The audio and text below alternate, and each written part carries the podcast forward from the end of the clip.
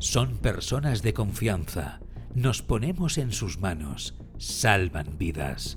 Pero a veces, algunos de ellos son asesinos. Upcast y el podcast Crímenes Ibéricos presentan el nuevo True Crime, Médicos Asesinos. Historias reales de profesionales de la medicina que se han convertido en criminales por voluntad o negligencia. Médicos Asesinos. Escúchalo ya en tu plataforma de podcasting preferida. Ràdio Marca és emoció, l'esport és nostre. Ràdio Marca és emoció, Ràdio Marca Barcelona 89.1. Radio Marca. Tribuna Marca amb Joan Prats.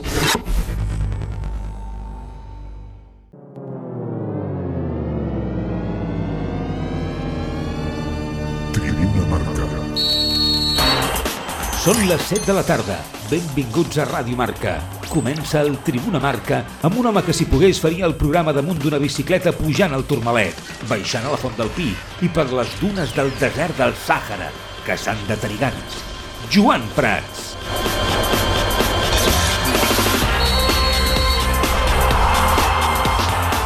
Tal, com esteu? Molt bona tarda, benvinguts un dia més al Tribuna Marca des del Polo, des del Real Club de Polo de Barcelona, on estem fent aquest Tribuna Marca. Us animem a que us acosteu, eh? si voleu seguir el programa en directe i que us passeu per aquí perquè hi ha un ambient magnífic, un any més, una temporada més. En un dia on Xavi Hernández ha parlat en la prèvia d'aquest enfrontament transcendental després de l'aturada per aquest virus eh, FIFA, jo ja li dic així, l'aturada és ja pel virus FIFA que ha patit el Futbol Club eh, Barcelona. Xavi ha parlat, ha explicat com pensa encarar aquest partit davant del Mallorca amb el fotimer de lesions que té l'equip. A mí me, fastidia porque es de larga duración, ¿no? la, de, la de Ronald. Eh, Se ha tenido que operar y estará un tiempo eh, bastante importante alejado de, de los entrenamientos, de la dinámica del equipo y esta- esa es la que me da más pena, ¿no? por el jugador y por el equipo, ¿no? porque nos marcaba muchas diferencias atrás, pero bueno, es lo que hay, es, es así. Es el fútbol tiene estas cosas, son lesiones y hay que, hay que aceptarlas y ahora oportunidad para, para muchos otros para, para participar y que estén preparados para competir también. Especularem, evidentment, sobre el possible 11 que pugui presentar demà en aquest enfrontament a les 9 de la nit en directe a Ràdio Marca al Futbol Club Barcelona. Xavi Hernández davant del Mallorca en aquest mes, recordeu, d'octubre, on el Barça es juga moltíssim. Ens agrada dir, no es juga la temporada, per què no? Avui Xavi també ho ha recordat, però sí que és veritat que es juga molt i sobretot a la Champions pràcticament sí que podem dir que juga la vida. Escoltarem a Xavi, eh? parlant de Busquets, d'Ansu Fati, que li han tornat evidentment a, a preguntar i es repassarem més temes perquè es parla d'una possible renovació d'Ousmane Dembélé, ha parlat eh, el seleccionador espanyol de femení, el senyor Vilda ha tornat a donar la cara, l'escoltarem i extraurem conclusions. Es parla de nou de Superliga, bé, Tribuna marca pel davant en molts aspectes. De moment vaig a saludar el Carlitos Rojas, que el tinc a la meva dreta, i el Marc Truco, que el tinc a l'estudi. Carlos Rojas, Marc Truco, bona tar- tarda als dos, com esteu? Què tal? Bona tarda. Hola, què tal? Bona tarda, com esteu?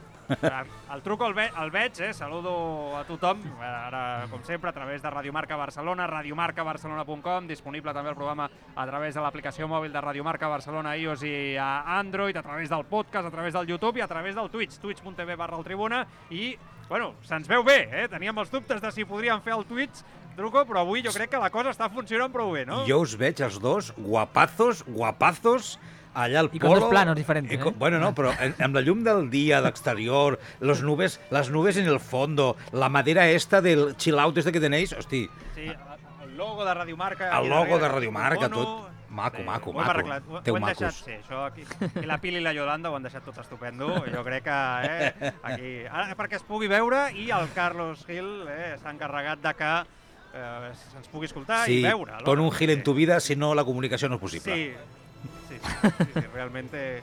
Se le, Y tanto. se le tendría que dar un premio a Carlos Gil. Sí. O, o Dos. 50. Perquè tela. Bueno, nois, eh, de seguida saludarem també el Josep Pons, que ja s'ha apropat per aquí, després estarà fent tertúlia amb el, amb el Domènec Garcia. Bueno, hem escoltat a Xavi. Sincerament, jo l'he notat avui, Xavi, fastiguejat. Jo, ya, pero pensaba que iba a disimular más. O sea, pensaba que, que iba a hacer una visión un poco más optimista respecto a la situación, de las lesiones, del... son- claro, al final forma parte del fútbol y esto del virus FIFA no es nuevo, es más antiguo, eh, eso no significa que esté bien, todo lo contrario. Pensaba que iba a disimular más, todo lo contrario, o sea, todas las respuestas se ha visto claramente que está fastidiado, cabreado, no ha disimulado y oye, por otra parte me parece estupendo. Sí, sobre todo yo creo que por, por un motivo, ¿no? Eh, de hecho, varios. El tema del, del virus FIFA siempre ha sido un problema cuando ha salido perjudicado, pero esta temporada se juntan dos cosas. La, la primera de todas es el calendario que tiene el Barça de equipos tan complicados, el nivel de los equipos que tiene y que va a marcar mucho, ¿no? Eh, cómo va a salir y cómo va a llegar eh, el Barça antes del Mundial, ¿no? Con la ventaja o la desventaja en este caso, eh, de puntos. Y otra es la cantidad de partidos. Antiguamente lesionarte un mes era perderte 3-4 partidos, no otra temporada, ¿no? Mejor. Ahora es perderte 9 o 10 y entonces es una, es una faena para Xavi.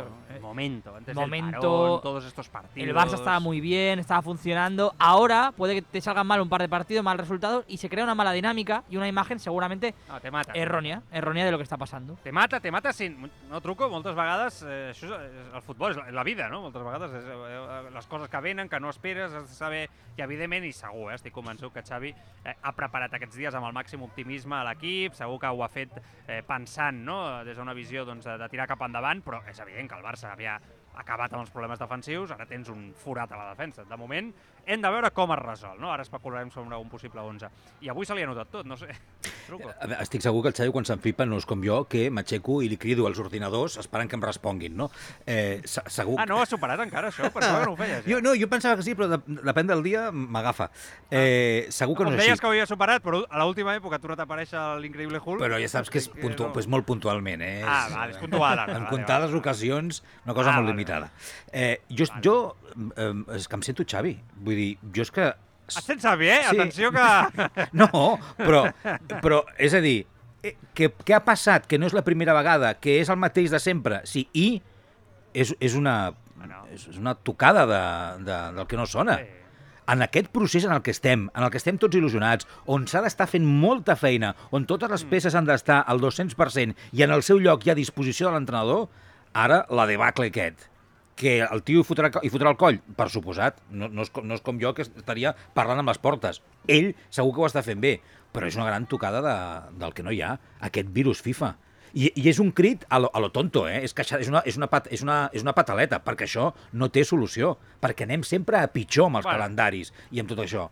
Per tant, Bueno, avui, ha dit, avui ha dit un punt que no tenim el tall, però, però que ho ha explicat a la roda de premsa, quan ha dit que, que a la propera reunió amb entrenadors pensaven tractar el tema dels calendaris. I això sí que em sembla interessant. El Josep Pons m'està mirant encara com dient si no hi ha res a fer. però, però, ara, ara el saludo. Però, però ostres, eh, realment bueno, como a mínimo es una respuesta diferente. O sea, por lo menos es un entrenador que dice, mira, ante el virus FIFA, pues en las próximas reuniones de entrenadores queremos tratar este tema porque lo del calendario nos aguanta ya por ningún Claro. lado. Oye, pues algo diferente. Sí, ¿sabes? sí, no, porque, porque al final muchas veces lo de quejarse del calendario o de, o de la, No va a ningún lado. eh, lo han hecho todos los que entrenadores. es ahí, en los foros. Todos los entrenadores. Cuando sale un afectado, pues, ahora porque le ha tocado a Xavi, pero si Claro. lo hubiera tocado a otro, pues lo habría, lo habría dicho otro y pasa cada año y nunca hay ninguna solución. Pero también te digo una cosa, ya se pueden reunir aquí los entrenadores y los presidentes que, que lo que marcan la- los calendarios son las competiciones, en este caso, y, y además... Estamos viendo, mientras está sucediendo esto, cómo la UEFA está intentando colocarnos una Más Supercopa de. Europa con más Pero- partidos. Pero es Por que yo no creo que el problema sea el, el calendario de clubes. ¿eh? Yo ese lo... A ver, es verdad que podría ajustarse una mica. Quieren però- ir a más, ¿eh? eso también tienes que tenerlo en cuenta. Sí, pero es que aún así yo creo que, bueno, pero el problema es lo que metes a nivel de selecciones, el problema, ese es el problema para mí. O sea, lo que mete, metes un mundial en medio de la temporada, es que esto ya es el no va más. Y esto va a ser una constante. Hoy vamos a hablar de un All-Star. De un All-Star, ¿eh? Que viene por delante, ahora os lo explicaré. Un All-Star. ¿Cuántos equipos se van a quedar sin temporada después del Mundial? Porque ahora estamos hablando del Barça, ¿eh? Pero A ver, hostias como un piano. I el- Avui, i Xavi de dit a roda de premsa, eh? Josep Pons, què tal? Com estàs? Eh, molt bona tarda. De Joan, molt content d'estar aquí. T'incorporo ja, perquè ja que estàs, estàs en família, Fantàstic, eh, home, sí, ja fem hora i sí. mitja Hombre, i anem comentant l'actualitat tots. Estar a la ràdio i no parlar... És mm, complicat, no? És repressió. A tu, a tu et costa, sí. Uh, fora de la ràdio també, També, imagina't. bueno, però això està bé. No, però que deia que, que, que, bueno, que és la constant, vull dir, partits, partits. Avui Xavi ha dit una cosa molt interessant, Sí. Josep, que ha dit, serà una... Perquè li han preguntat, esperes una, una lliga de 100 punts? I ha dit, no, no, hi haurà moltes sorpreses. No, no, és evident que sí, però jo dic una cosa, Joan, el meu punt de vista és que això és imparable.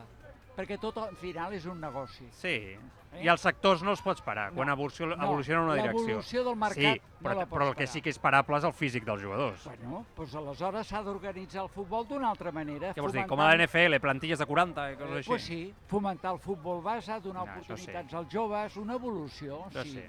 Sí, sí, és el que veig jo, no? Però incentius econòmics, també, llavors, d'alguna manera, no? Home, Els clar, clubs. sempre, Perquè bueno. si, si tu has de a, a fer, tenir una plantilla més ampla per culpa FIFA, que FIFA pagui d'alguna manera això. Que No, jo crec que estem fent futbol Joan, ficció. Yo es que estaba pensando en la Superliga, pero ya sé que es el tema No. tabú en este Ah, lo vamos a tocar hoy, ¿eh? Lo tengo No, no, aquí, quiero ¿eh? decir, eh, a son, son soluciones. Sí. como Josep la es su- pro Superliga, Sí, como yo. sí, ¿eh? Lo sé, lo sé, así que esto ya está empezando a Estás en ser minoría, estar estás en minoría. Carlos. Sí, no, sí. Total. Pero quiero decir que el tema este de, de los calendarios, para mí es igual que el tema de la Superliga, buscar la solución fácil que es intentar generar más con más partidos y con, y con una solución fácil, en vez de atacar el problema de raíz que es Pero... hay muchos partidos o a lo mejor el interés eh, por el fútbol está bajando, hay que, hay que reestructurar la competición. Pero eh, es que es Eh, una Se busca gran- de una forma muy simple para mí la solución, es que una- es más partidos, más partidos, más partidos. Y no- es una falacia enorme, una gran mentira decir que esto perjudica a los equipos débiles. Todo lo contrario, el Villarreal, el Sevilla, el, cualquier equipo optará a ganar la liga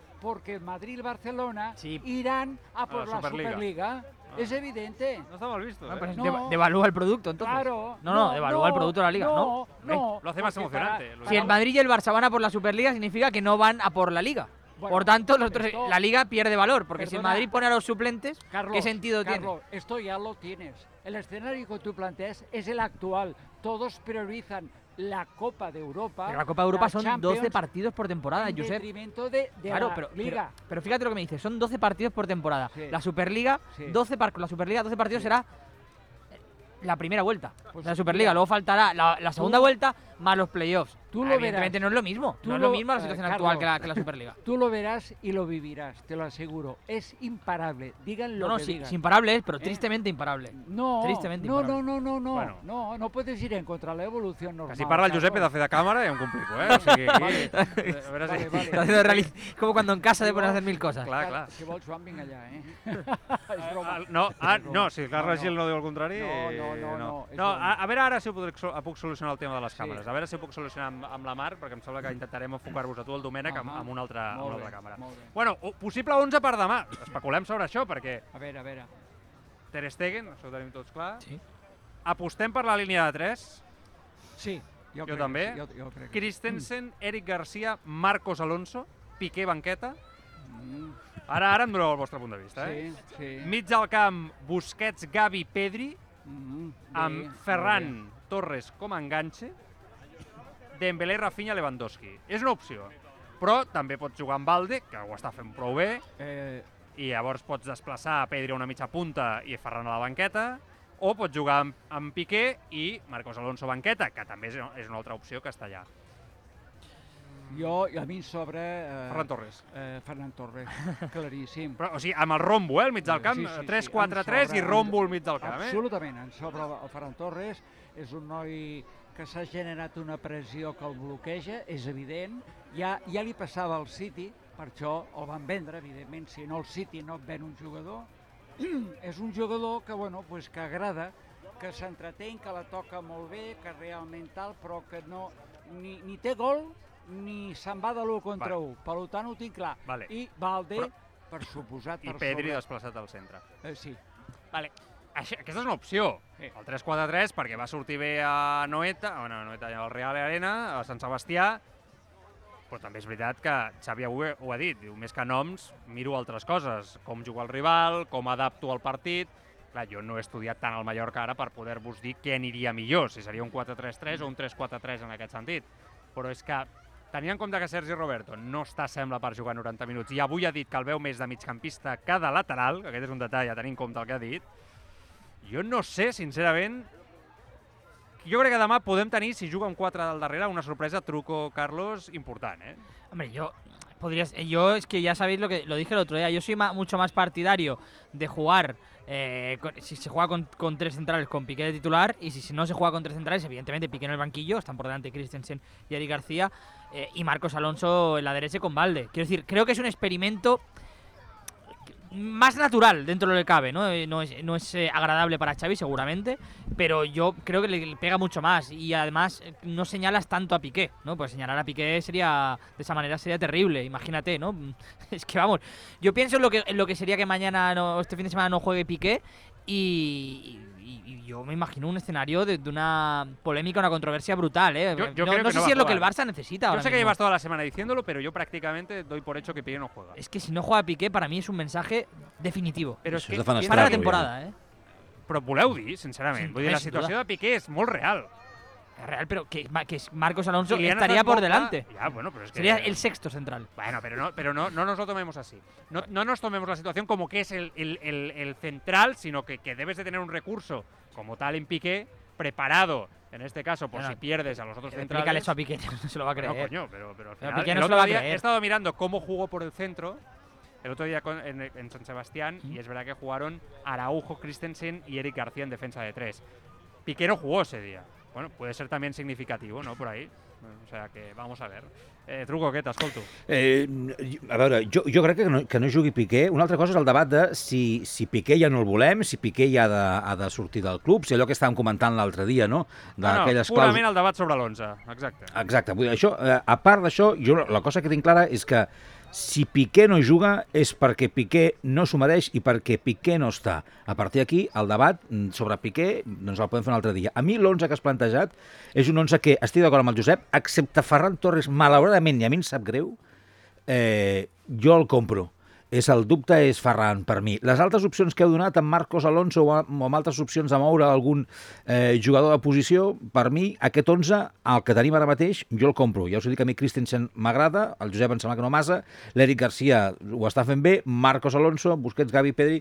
El, el dubte és el Ferran, i, i em sap greu, eh, perquè mm, jo crec que amb tot el que ens ha costat i totes les hores que hi hem dedicat i tota la pressió que s'ha fotut el tio al damunt, necessita minuts. Alguns jugadors, alguns oients, perdó estan apuntant sobre l'opció de que aquest partit, realment, gent obvietat, no és l'important, sinó és el del dimarts, i que, per tant, potser aquest 11 no és exactament el que juga, sinó que acaben jugant, per exemple, Piqué o altres jugadors, o Ferran, justament, perquè no és el partit Bueno. important d'aquests propers dies. Bueno, bueno, bueno. Compte amb aquesta lliga en perdre punts contra el primer que passa. Com permete, el màxim respecte, eh? Però... Espera que- Ahora, ahora.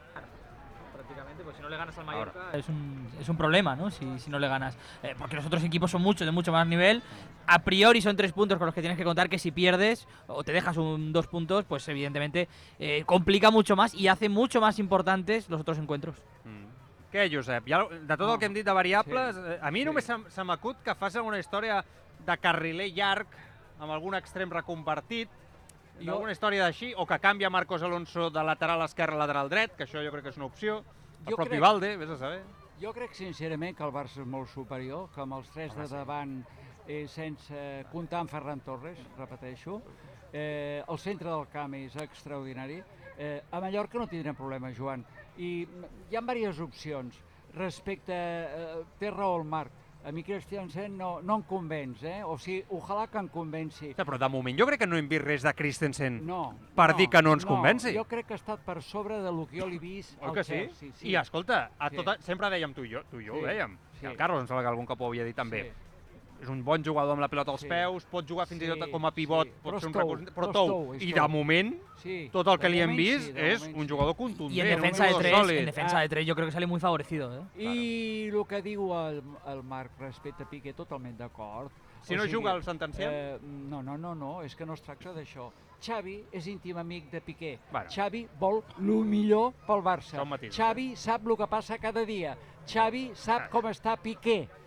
Xavi sap com està el vestuari. Mm. Eh que m'entens, Joan? Sí, sí. No, no. Clar, i Xavi decideix, no crec que deixi a Piqué per capritxo. No, hi ha raons, per tant, jo això no puc discutir-ho. Sobretot extraesportives, perquè futbolísticament, ho tornem, ja tornem a fer el debat de sempre, però futbolísticament mai jo crec que Piqué ha merescut sortir futbolísticament, pel que hem vist. Bueno, últimament ha tingut diverses lesions. Això sí, però... Eh? però... Eh, Pero cuando ha jugado, Josep ha sido el mejor. Era el millor, no, era el millor no. central. Ara no direm que el Piqué és un mal central, joder, el però sí, Piqué sí. és un gran central. No ha tingut una davallada futbolística, no, Piqué. No, Però jo... El seu problema ve, com tu i jo bé sabem, va més enllà del tema futbolístic. Bueno, doncs aquests factors Més poden sou. ser importants a l'hora de la Sí. pinya del grup, del vestidor... No, I per això s'ha que pres la decisió que s'ha pres. Exacte. Ara parlarem, Eh? perquè hi ha un article avui al Diari Sport que jo crec que part del- bastant a tres noms. Joan, a part del tema econòmic, perdó, la Això, això, fitxa això, i tal. això et eh? dic, ara, ara ho trucarem. Eh, bueno, si no teniu res a dir, missatges, truco al Twitch, twitch.tv barra el Tribuna, alguna cosa a dir respecte a l'11, què diu la gent respecte doncs això, a l'11 que pugui sortir, 4-3-3, 3-4-3, especulacions... Mira, faig un repàs ràpid dels que han arribat des que hem començat, parlant també d'aquesta qüestió. L'Euronacho que deia, buenas tardes, os veo en vuestra salsa, perquè ho tingueu clar, que esteu avui en un lloc diferent, doncs que us veuen estupendos allà. El Podeu Togromi, que... apropar, eh? Aquí, passeu aquí a veure el programa, de fet hi ha aquí gent, no la veieu, jo la tinc davant, hi ha gent que està veient el programa aquí en directe. Molt bé. Doncs no hi ha excuses. Hay plantilla de sobre, deia el Togromi, sobre el que estàvem dient, eh? Per tant, no pot haver-hi cap mena de, no, de crítica per, o de justificació del que pugui passar en el terreny de joc. Després apuntava, el calendari és una putada, però para todos, hasta que no se planten, i després deia, Ferran al banquillo. L'Ivan que apuntava, diu, si no juega Ferran contra el Mallorca, entonces, ¿contra quién va a jugar? I la Castafiore que apuntava, Piqué ha de jugar, és experiència i seguretat. L'Euronacho apuntava allò del partido importante es el martes, mañana jugarán algunos suplentes. I finalment l'Ivan que deia, Ferran y su generación de espacios. Punts suspensius. No fa fred, eh, gairebé, avui al, al polo no... no, no. ¿No te sobra jersey a ti? Sí, no, s'està, o sigui, el, el que és el fred, eh, no, no, no, no, no sé, allò que dius, no sé, Carlos Gil és estupendo. Una galipàndria que agafarem tots, estupenda, tu. Mira, Però bueno, en fi. hi ha un missatge, perdona, de l'Euronacho al Twitch que diu que friolero que és Josep Pons, parece que vaya al Himalaya. Estoy en el Himalaya. No, és que- Estic a la Himalaya. No sou conscients, però ja, fa una ventada d'aquesta... Oye, ¿y por qué me he dejado el abrigo en el coche? No sabía que hacía el viento. Y no, ese, también, Si ¿eh? no, abrigo y És todo. una zona esplanada, Sí, eh, llavors, tanto. clar, aquí... A mí dame el- verano, dame pega- verano ¿Sí? que no me quejo. Total. Aquesta calor, Josep, d'aquest Eh, estiu... también, ha sigut Yo el Yo entretiempo, insoportable, yo eh? este entretiempo de ahora, no con el viento, el de ahora es la Constipa't. mejor época del año. Vinga, ala. Sí, sí. Bueno, coses. A veure, Tais. Es- Escoltem a Xavi parlant, perquè li han tornat a preguntar pel futur de Busquets.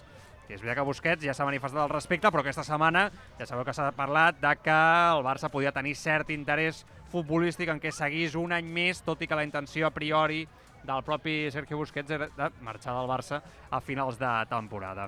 Eh, Xavi ha estat claríssim. Lo ha dicho públicamente, que no ha decidido nada y que lo decidirá a final de temporada según sus sensaciones, según cómo va el año, es año de mundial también. Bueno, él supongo que hará un balance a final de temporada y a ver dónde está, cómo ha ido la, la temporada, cómo le ha ido a nivel personal y eh, para mí si- sigue siendo muy importante, jugador trascendental para mí en mi esquema y, y por lo que veo para, para Luis Enrique también, así que sigue siendo muy importante. Ho anava a tocar després, però eh, ho toquem ja. Un article del Lluís Mascaró avui al Diari Esport explica que el president Laporta està molt decebut amb Busquets, Piqué i Jordi Alba per no haver fet un esforç econòmic aquest estiu. Laporta creu que el club els ha donat molt, que els ha fet molt rics i que entre els tres han de cobrar 200 milions d'euros en el que resta de contracte, especialment en el cas de Piqué i Alba, ja que Busquets acaba contracte aquesta temporada. Laporta veu, segons aquest, aquest article del Lluís Mascaró, molt complicada la continuïtat de Busquets per molt que ho demani Xavi i ja ha posat tota la maquinària en marxa perquè Piqué i Alba deixin el club. La relació amb els jugadors és freda amb el president del Barça actualment.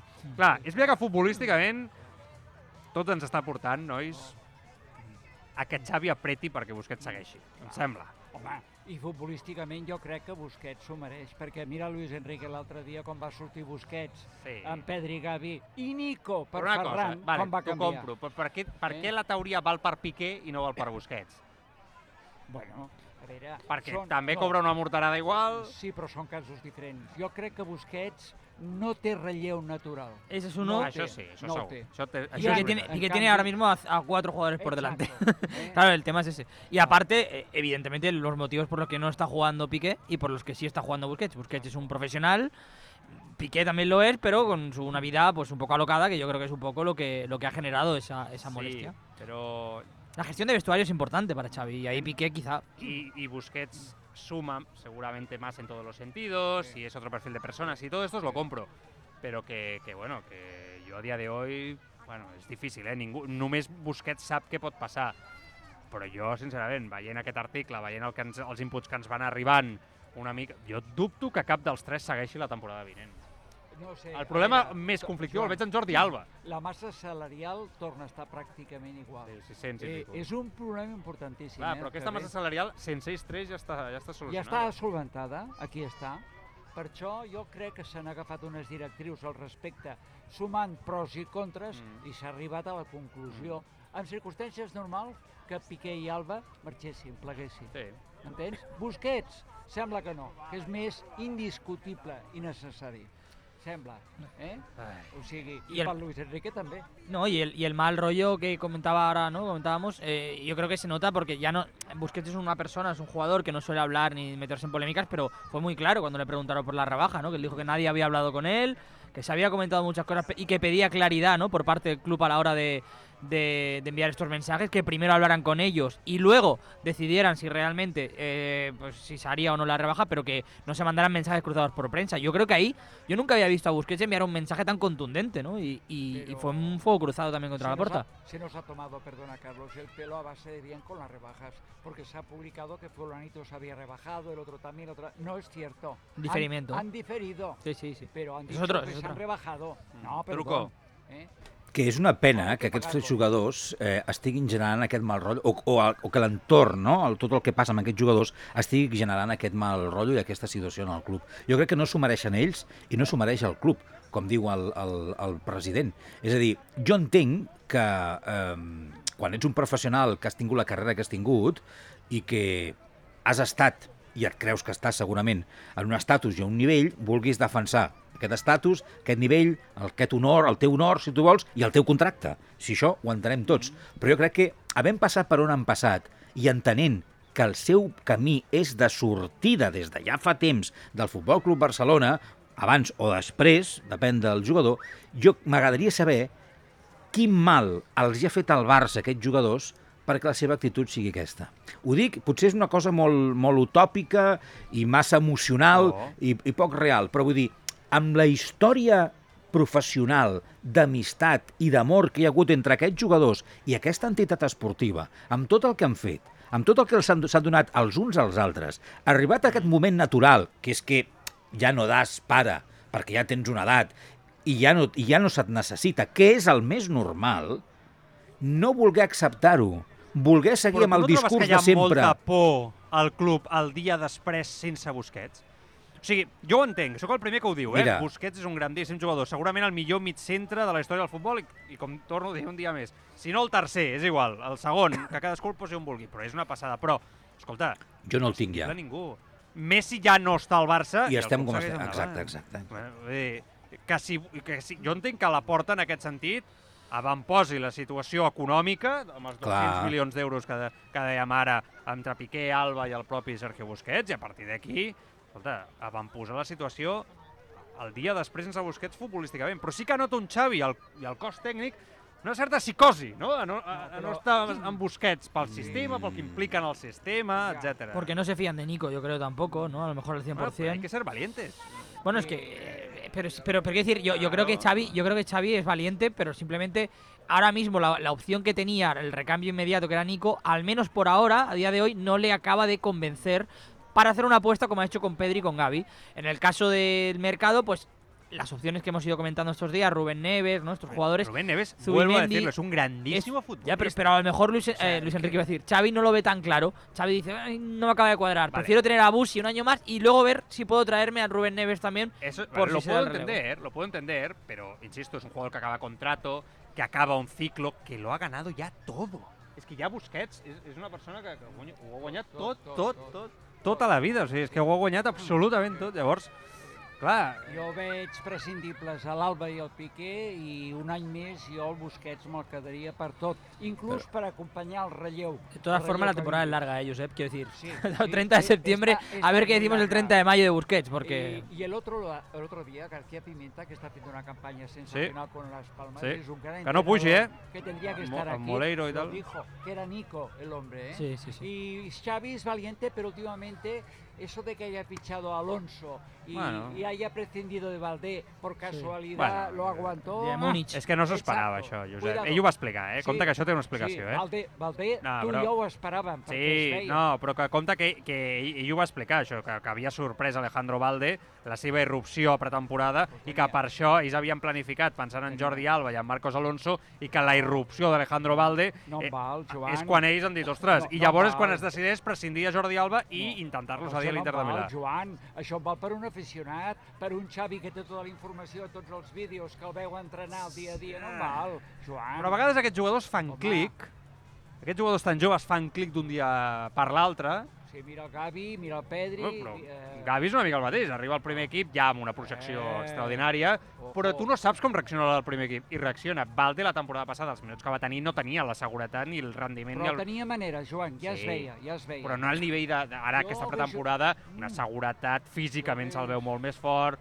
crec que es, es nota que porta un any entrenant al primer equip al cantó de grandíssims ah, jugadors. Clar, Vull dir que- Això, No sé, que no, jo, jo, jo crec que el tema Nico és més de Nico que de Xavi, et diria. Sí. De que Nico potser no Sí. vol es, esperar aquest temps a l'ombra i per això li demana sortir al València perquè sap al final que tindrà jugadors que pel davant el poden tapar, el cas de Pjanic, Perquè- potser aquí sí que... perquè no li donen la, les perspectives a l'escenari, una planificació, Mm. que diguin, contem Ah, amb tu, sí. espera't una mica. Sí que és veritat que Nico havia fet partits per tenir més minuts. Sí. Estem d'acord. Sí, senyor. I que quan el comença a treure de l'equip titular, el propi futbolista és quan després, ja quan surt, ja no manté el nivell. Exacte. Eh? Això, això no, és cert. No oblidem una persona molt criticada per mi com va ser Koeman, que va ser el que va treure Sí. tots aquests joves bueno, i per els va fer necessitat, jugar, eh? però ho va fer. Sí, sí, per necessitat, però ho va fer, exactament. Aquí està, això És és, imborrable, tots. Ansu Fati, nois, Ansu Fati. A Xavi li han tornat a preguntar per Ansu Fati, que és el tema de preocupació no? a l'entorn eh, Barça.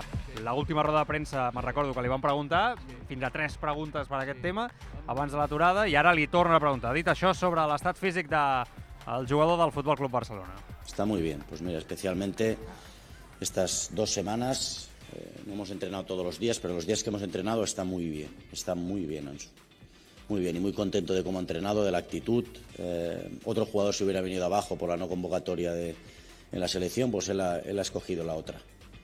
La de revelarse, la de entrenar al 100% y, y eso es perfecto para, para él y para, y para el equipo, ¿no?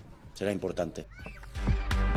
Bueno, resposta plana, no? Sí. Bueno, yo me quedo con las dos últimas palabras, ¿no? Que se lo ha tomado será, bien, será importante. Sí, Sí, vale. A ver si lo es de verdad, porque Si no puede, no lo porque a aquí se ha hablado mucho de- del proceso en, en Barcelona estos últimos meses, ¿no? Que había para que llegara al mundial. Ah. Queda un mes y medio para el mundial y el proceso tiene que encarar ya la última fase, porque si no se, enca- se encalla, ¿no? Y yo no sé si Luis Enrique, que es un entrenador que ha apostado muchísimo por él, muchísimo, le, le ha dado la- las llaves de la selección en muchos momentos, ahora está tan convencido. Y si no está tan convencido es por algo. Y si Xavi no le hace jugar, que es un en- entrenador que también parece que le gusta, Ansu Fati, también es por algo. Así que, por mucho que esté entrenando muy bien y que su actitud sea muy buena y que vaya sonriendo a entrenar, aquí hay algo que de estado físico que Xavi no comenta. Yo me hubiera gustado que Xavi dijera, sí, está para jugar ya de titular.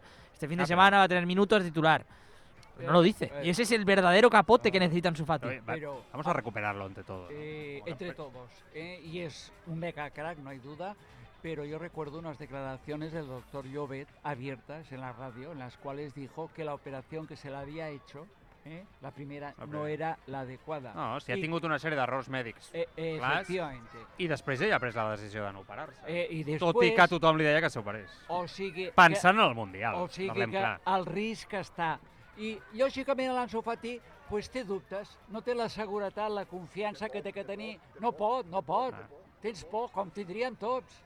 Normal. Va, tu coneixes molt bé a la família Sí. Fati eh, i el Nano gent també, són macos. fantàstics. Ells, a diferència potser d'altres jugadors de la Pedrera, que en alguns casos no, no dic noms, eh? Bueno, no, no, no diguem noms, No, oi? però- perquè, però sí que és veritat que ells són sí, molt bona macos, són gent, molt bona gent. normal eh, Vull dir que si el Nano senzilla. ha pres aquesta decisió, que Eh. no sé si és la més adequada, perquè no som metges, és per por, no, Josep? Clar, clar. Per Bueno, por que torni a sortir malament l'operació, de que li vagi Sí. malament. No, a veure, eh, per por i s'han assessorat per metges diversos. Però, eh? clar, opinions mèdiques. Exacte. Eh? O sigui, al final, ell davant de les males experiències anteriors, i jo torno a aquesta declaració que va fer el doctor Llobet, i és molt estrany que un metge parli... Critiqui, sí, però no és l'únic, eh? Aquí, aquí hi ha un dels altres metges també ho van criticar, ja ho sí, saps tu. exacte.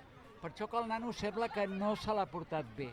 De eh? fet, el metge que el va operar, eh, si et fixes, no, torna a ser, no, ha estat, no ha tornat a ser protagonista a Can Barça. No, no, exacte. I és una persona de que... Té un prestigi brutal. I no ha tornat a ser protagonista. No, no, no. Ara amb no. el tema Araujo, per exemple, Ah, ja directament exacte, ha anat al finlandès. Exacte, exacte. Vull dir que la... Sí.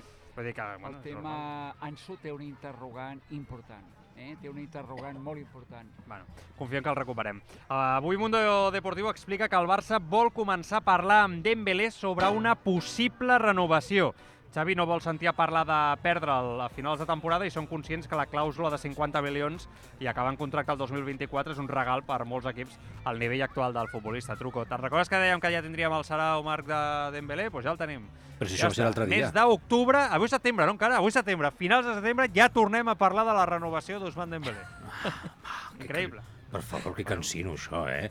Ja, però què vols? El contracte que li van fer convidava això. Que Era, va ser l'única solució que van trobar totes però les que parts. La aleshores experiencia que han tenido también va a ser una Ja, negociación ja, larga. ja veràs ara, ja. Ja veràs.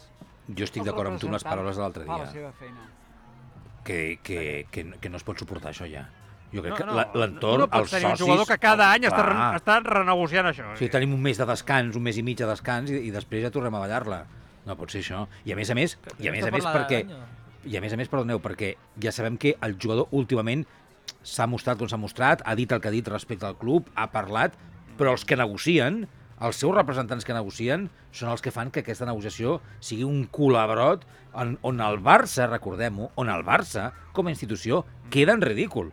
Que aquesta és una altra, que molt bé el, el jugador, molt bé les seves possibilitats, tot i que l'altre dia les posàvem en qüestió, no?, a partir dels números i dels gols i tal, però que després, cada vegada que tenim negociacions amb, amb aquest entorn, el Barça acaba en ridícul perquè no es contesten el, les, les missives, perquè al finalment el Barça es veu obligat Bueno, a prendre unes decisions i després una baixar-se els esperança, pantalons. Eh? Hòstia, oi. Jo tinc una esperança, que és? Que que, aquest canvi, eh, Josep, que ha tingut... No, no, no que aquest canvi que ha tingut Dembélé a, a nivell d'actitud, Sí. ara això es tradueixi també al, No. en les indicacions que li doni el seu representant. Exacte. Aquest canvi. Eh, Jo no. eh, Evidentment que Dembélé ha fet un canvi important en positiu eh? i sobretot té la confiança absoluta del Xavi, que això és molt important, no?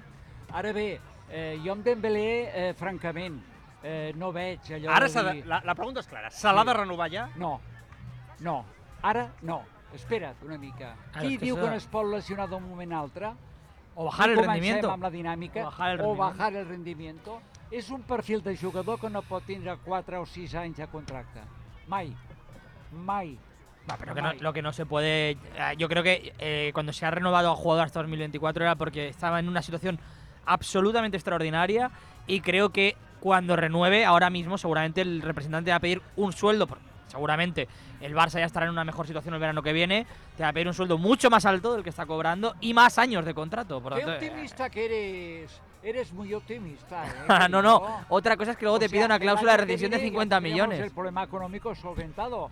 Oye, Ah, lo dices por eso. Hombre, no. eso es un problema. ¿eh? No, no, claro que es un problema, pero está claro que Dembélé te va a decir, sí, sí, claro, yo renové hasta 2024 porque ahora en 2023 voy a pedirte más dinero. Estoy seguro que le va a pedir cobrar mucho más de lo que está cobrando. No creo que, que Dembélé renueve cuatro años ahora o en, en, en junio del año que viene cobrando una cantidad parecida de dinero. O al menos te pedirán esa, ese ¿Tú aumento crees que año ahora Sissoko no se va a plantar ahí y va a pedir El oro y el moro. una barbaridad Claro que lo va a pedir. absoluta? Eso es lo que estoy diciendo, que, que, que- que no, me, que no me cuadra. Y, y yo creo que Dembélé se ha guardado esa carta, precisamente, del 2023-2024 Claro. para ver si le dan el sueldo. Pero bueno, y si también no el. Barça puede tener una opción ahí. Paga 50 millones, que es un precio, yo creo que, oye, bueno, y te lo llevas. Sí, que Y de ahí 50 solo cobra ve- 25 millones. Eso se lleva 50, sí, pero se lleva 25. Sí, és que és, ai, el, que, el que ha de fer la Junta actual també per acabar de quadrar les coses. És divertit, truco, perquè la gent que ens està veient a Twitch, a, a darrere ha, ha passat una performance darrere nostra del Sí, Josep és que ja ho hem vist. Ja, hi, ha, hagut- hi ha hagut un missatge... Hi ha hagut de tot, tu, ja, entreteniment. De... Sí, sí. Hi ha un missatge que ha arribat a través del Twitch que diu Joan, os acaba de pasar un pingüino por detrás. Per... Sí, sí, sí, o sigui, hi ha un món paral·lel aquí darrere. Ostres, jo no jo, jo em vaig adonant, caigudes, pingüins, eh, va passant tot un món paral·lel aquí darrere. Bueno, Eh, estem aquí. De seguida saludem el Domènec, que li estan preparant la càmera. Eh, Ja té el so preparat, ara li estan preparant la càmera, que ara, ara l'enfoquen. No, no, no ho has maquillat, no? no He preparat ben maco. Ah, bueno, bé, estàs molt, estàs molt bé, Domènec. Eh? No passen els anys per vosaltres, eh? les coses com són, eh? Oh, Josep ara, Domènec. És una cosa espectacular, eh? Escolta, el, Carl, el Carlos Quilo ho ha dit, eh? Ha dit, és increïble, està igual. Sí, igual, igual. Sí. Ah, tu saps que sí, lladre. Anem a córrer, Joan, i veuràs si tinc Bueno, igual. això, és, això són altres coses, però bueno, físicament. Bueno, uh, tema Dembélé, però tema Valde també, perquè sembla que el següent en renovar el club que té previst és Valde. Saben que hi ha temps, té contracte fins al 2024, però no volen ensurts amb el futbolista que ha trencat tots els pronòstics a aquest inici de temporada. Aquest sí que veig jo que ha de ser una renovació estratègica al 100%. la de Valde. Absolutament. Valde no es pot És el futur, escapar. El futur, efectivament. I és curiós, no?, la fornada impressionant que no es havia produït mai Home. de tants jugadors a la vegada. A la vegada no. La Nikos, Gavis, Sí. Valde, Sí, no? tots sí, sí, junts. sí, i que a més el mèrit important, repeteixo, és d'una persona que jo vaig criticar molt i que pel meu criteri mai hagués tingut que entrar al Barça. O sigui, el tema de Koeman, que apostés. Sí, sí, va jugar la carta de la joventut i li va donar confiança. El Clar, però jo abans renovo Valde Sí, que Dembélé. Per molt que Xavi incideixi amb aquest tema. jo també, jo també. Jo també. Per lo estic demostrat totalment per un, per l'altre, un és de la casa, sí. et coneix, no sé, és que... trobo- Dembélé, ahora mismo es como diría Guardiola la niñita de, de Xavi. Está enamorado de. Bueno, pero, él eh, cuenta Bueno, con él. Le está sí. respondiendo, ¿eh? Sí, Más Claro, por de eso, goles, Y más ahora, o sea, si, si tú ahora planteabas este debate, yo creo que si el club, perdona, Josep, Sí. le dicen, elige entre Valde y Dembélé, va, con- va a muerte por Dembélé. Sí, Carlos, tiene ninguna pero, duda. Pero Xavi tiene que hacer este papel. Yo quiero que se quede, que le renueven, jugará, confianza total y absoluta. Es el papel que tiene que hacer. Y luego viene el señor Mateo Alemán y tiene que decir, mira, que tenemos la masa salarial muy mal, que esto no puede ser, y negociar con el señor Sissoko. Porque no hay derecho como expolian los representantes No, no, verdad. los clubes. Domènec Garcia, què tal? Bona tarda, benvingut. Molt bona tarda. Gràcies per passar-te per aquí pel Polo. Gràcies a vosaltres No, home, per no. Convidar-me. Polo Norte no, ¿eh? Gairebé. gairebé. Gairebé, eh? Jo Paraigües. Bé, jo també el porto a la motxilla. venia amb el cotxe i he escoltat de que... Sí. mira, mira, mira, Bueno, de hi fet- No, no, ya, pero las nubes vienen de allí, ¿eh? Domènec vienen I de allí. aquí eh. Havia una carpa, no, el año pasado, creo, o algo así. Carlos Carlos. té controlat, eh? I, I aquí, Ah, ah. a on està el Polo, no hi ha gaires, eh, diguéssim, No. porteries per on ficar-te No. i a esquivar això. Jo... És Sí, possible clau. que comenci a ploure. Sí, sí. No? Carlos Gil diu que no? Bueno. viene el viento de allí y no y ya no hay nubes. O sea, ya- ya- Atención a... Sí, el Meteorólogo. meteorólogo. Repasa las temperaturas, Carlos. No, ni- bueno, muy bajas. Sensación térmica de no- de no- Sensación- Carlos Rojas. Sensación térmica de no poder estar, Marc. Sí, no. Ah, ja saps, quan vulguis sortir de casa, truca al Carlos i ell t'ho dirà. Oh, i tant. Eh, no tinc... A qui re renovaries abans, a Valde o a Dembélé? Jo crec que són dues coses Paral·leles? paral·leles que no Bueno, per fer, per fer el sofreig. Home, Valde és el seu primer contracte, no ha costat un duro, eh, ha vingut al planter, porta anys en aquí, és, és una negociació a part de l'altra eh, del Dembélé. El Dembélé jo el renovaria sí o sí, i el Valde també. T'està agradant, eh, Dembélé? Ja t'ho vaig notar l'altre Sempre, dia. eh? sempre m'ha agradat. Sí, sí. Si Però l'altre dia vam repassar... tingut, És veritat, tens raó. I jo t'ho vaig dir, Sí. que no hi ha a Europa després de Mbappé i després de Holland i després d'algun més, que no sé Però ara ha de marcar gols, Domènec, moments, ha de marcar gols. Espera, que trenqui les defenses, no n'hi ha un altre. Està entre els cinc millors Això t'ho compro. trencant I defenses. Xavi ho sabia.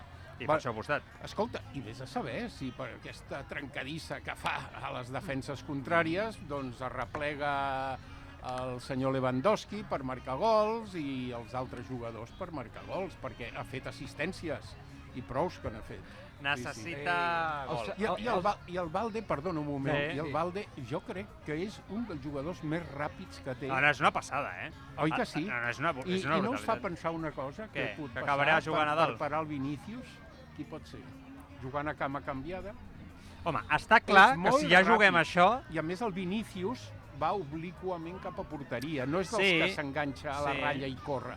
Sí. A la qual cosa li ve, va bé el A l'home- perquè la seva cama esquerra és la que A l'home anava a ser Araujo. Estem d'acord Eh, per sí, parar Vinícius. sí. Ara estan intentant recuperar Koundé perquè Sí. arribi pel clàssic, però amb el risc Sí. de que no estigui al 100%. És que es tracta de córrer, eh? Si Ja, estàs ja, amb ja. el Vinícius no és un estàtic, Clar. precisament. Sí, Voleu- pot ser que Valde sigui l'opció, Marcos Alonso tapant més al darrere pot ser Sí. un altre, no? Sí, sí. sí, sí. Mm, Voleu que us digui una cosa? Per mi, Condé de lateral és perdre un potencial Ja, d'un però ho ha fet central, molt bé, eh, fins però ara. el vuit és central. Sí, tens raó. És una passada central, futbolista. Eh? És una passada futbolista, però ho ha fet molt bé. Eh? Bueno, és que ho farà bé de qualsevol lloc, Sí, aquest, Joan. Sí. sí, tens raó. Ara, jo Està en aquest prefereixo- moment de la seva carrera, que Clar. posis o no el posis, és, és, Clar. jo el comparava amb Puyol, no? Clar, Aquell moment que el posessis o no el posessis t'ho Ah. faria bé. Ah. I a més va molt Yo estoy de acuerdo eh? con Josep, eh, tiene que jugar de central. Sí. Por muy bien que lo haga. la- El otro día, que Joan muchas veces lo ha comentado, ¿no? Que es el mejor Bueno. lateral derecho que ha tenido el Barça en muchos años. Es que es verdad, o sea, es que Koundé, Pero- sin ser lateral derecho, todo lo que nos ha demostrado Sí, sí. es mejor que todos los laterales que hemos tenido desde el primer Alves. sí, sí. Vamos, Total. Pero aún así, mejor de central. Claro, pero tienes Incluso un, con eso, pero ahí tienes un boquete de... nariz, No, tu, mira, tens un problema al lateral Sí, dret. sí. No s'ha solucionat. Sí, sí. Bueno, Bueno, malauradament per les lesions, si no eh, hi hauria el Condé... tu però... creus que Héctor Ballarín No. acabaria jugant de titular el dia del almenys clàssic? és lateral. Almenys Això no sí. es pot negar. No, a mi m'agrada, eh? No, I a no, mi, no quan treus el jugador del seu hàbitat, mm, Ja. pot, té de ser un crac-crac, perquè ho faci bé a tot arreu, per dir-ho d'alguna manera, Sí, això és veritat. però mm, jo El confio Bellerín- més en un jugador que està acostumat a jugar de lateral, Eh, A veure, que no és el cas del Sergi Roberto ni és el cas del Condé. El Condé què passa? Que té unes facultats físiques, Ah, no. un instint nat de la jugada, etc etc, que el fa ser bo en aquesta demarcació. Però, eh, bueno, jo Ba- veig Ballarín- que eh, ara que tenim laterals drets, el que passa que Mm, estan lesionats, Ballarín, doncs, Ballarín, no a veure, perdoneu, Ballarín és un jugador que tenia unes característiques ofensives com a lateral molt bones, però que tenia les expectatives que mai ha complit. La prova és que l'Arsenal li ha donat la baixa, eh? O sigui, Bueno, pero también es verdad Una que- lesión ahí muy Una grave. lesión, No, no, no. Arteta Bueno, también hace sí. un cambio de, de Bueno, equipo sí. apostando por gente joven. Imagina't a l'Arteta que el deixi marxar, no? No, però és per que- això, també, Bueno, eh? Però Ballerín escolta, ha sigut accept- un, un lateral ofensiu, però defensar veritat. ha sigut molt fluix. Bellerín cuando escolta, explota como a jugador, recordemos, es en un sistema de tres centrales, tres centrales, en, el, sí. en el Arsenal también. Carrilero, no? Carrilero. Antes de Arteta. Claro, Antes de- claro. mucho Amb antes, el eso. Wenger, Claro. em sembla. Sí, no? con Sí, Wenger. amb el Wenger. Però bueno, el va fitxar el Wenger. Sí. Que, que et fitxi Sí. el Wenger ja és una De targeta juvenil. de presentació. De juvenil. De juvenil, se'l van dur ha estat lateral indiscutible de l'Arsenal molts anys. Sí. El que passa que després va tenir una lesió gravíssima, ha baixat potser... a Quina lesió si va tenir, ara, per recordar-li a Ah, la gent? ahora perquè no, recuerdo. recordo exactament. Yo, yo re- creo, es que no recuerdo, creo que fue el, el cruzado, el ligamento cruzado, Sí, sí. pero ahora no, no estoy seguro, pero creo que fue el cruzado. I es va operar aquí, jo recordo que es va Sí. operar aquí. Sí, va venir a operar-se Sí, a sí. Barcelona. Sí, bueno, sí. és veritat com- que és- ha tingut mala sort, perquè ara era el Sí. seu moment i just patapam, Sí, no? sí. Lesionar-se. Sí, es sí. confirma el, el pronòstic eh, del Marcos, eh? Del Carlos. Ai, del Carlos, perdona, eh, es confirma, eh? El servei meteorològic diu que després de la matemàtica algorítmica que ha fet... El, Es- el, La, la Carlos, matemática es observar las que nubes, no ves que se va moviendo para allí no todo el plou, rato. que no No plou, no plou però, però fa, fa molt de fred. Eso sí. eh, Avui. Molt, molt, Joan. És, és No curiós recordi. com hem passat de l'estiu Mira, un Joan, calor i ara en un mes Joan, mira com estic. ja sí, tapat amb la manteta el Amb la Josep. manteta. Sí, sí, bueno. Eh, Jo sí, me'n recordo d'un cartell anunciador a Andorra que hi havia tot de paraigües i posava si no plou, plourà. Plourà. Així estem nosaltres avui aquí al Polo. Bé, uh, canvis al futbol mundial, eh? Es prepara un All-Star a l'estil NBA. Us encantarà. Segons eh, Dickinson Times, el millor 11 de la Premier s'enfrontaria a un 11 format pel millor de la Lliga, Bundesliga i Sèrie A. La gent votaria els futbolistes i seria una celebració eh, important i els drets de televisió, evidentment, juguen un paper clau en tota aquesta, Hombre, eh, aquesta història. Glo Globetotters. Bueno, és un rotllo eh, un All-Star. No? Sí, eh? un Un espectacle amb els millors. sí. Però, però si, es, si es, es, es dona el, en, en un estil All-Star NBA, pels jugadors serà un prestigi, un privilegi, eh, assistir a jugar. Sí, sin duda. Això segur, Eh? Pero el otro, día. Le, el, el otro día le preguntaron a Klopp por esto, en rueda de prensa. Sí, porque la Premier hace días que Sí, se está hablando. esto. Y Klopp pregun- le preguntó al periodista, ¿cuándo se jugaría este partido? El periodista dijo, no, no ha salido fecha. Dijo, ya, es que ¿cuándo se no jugaría el hay, partido? no, no y hay. segundo, en la NBA, este partido es la leche. Y me se encanta para la verlo. liga. Se para la liga, pero también tienen un montón de meses de descanso. Aquí no tenemos esos meses de descanso. Bueno, hay un detalle. A él le preguntaban por el All-Star de la Premier League, Sí, porque sí. esto la que Premier... norte contra sur. Sí, sí, pero sí, ahora sí, ya sí. parece que esto se está llevando más allá. No sé, Josep, ho veus? No, I a compte, Ho veig. posava Ho veig. que, que es jugaria fora. ja. No, Que, que es vol negociar amb Aràbies, Qatar... Claro, Ah, sempre a Kuwait. Ah, és factible, factible perquè econòmicament, evidentment, aquí hi ha molts interessos, però això sí que no ho veig. Això ho veig molt d'espectacle de cara a la galeria, molt americà, no ho veig pel futbol. En el moment actual no ho veig, no. No ho veig interessant. Segur. No, la Lliga de Futbol Professional, sí. Jo veig que... A la Lliga, dins. La Lliga Super... Ah, la Superliga. La Superliga, perdó. Ara et preguntaré sobre això. Jo veig que els jugadors ja no tindran dates ni per ficar-se a la platja un dia perquè el dia següent tindran tindran, tindran que Domènec. jugar un partit. Això petarà.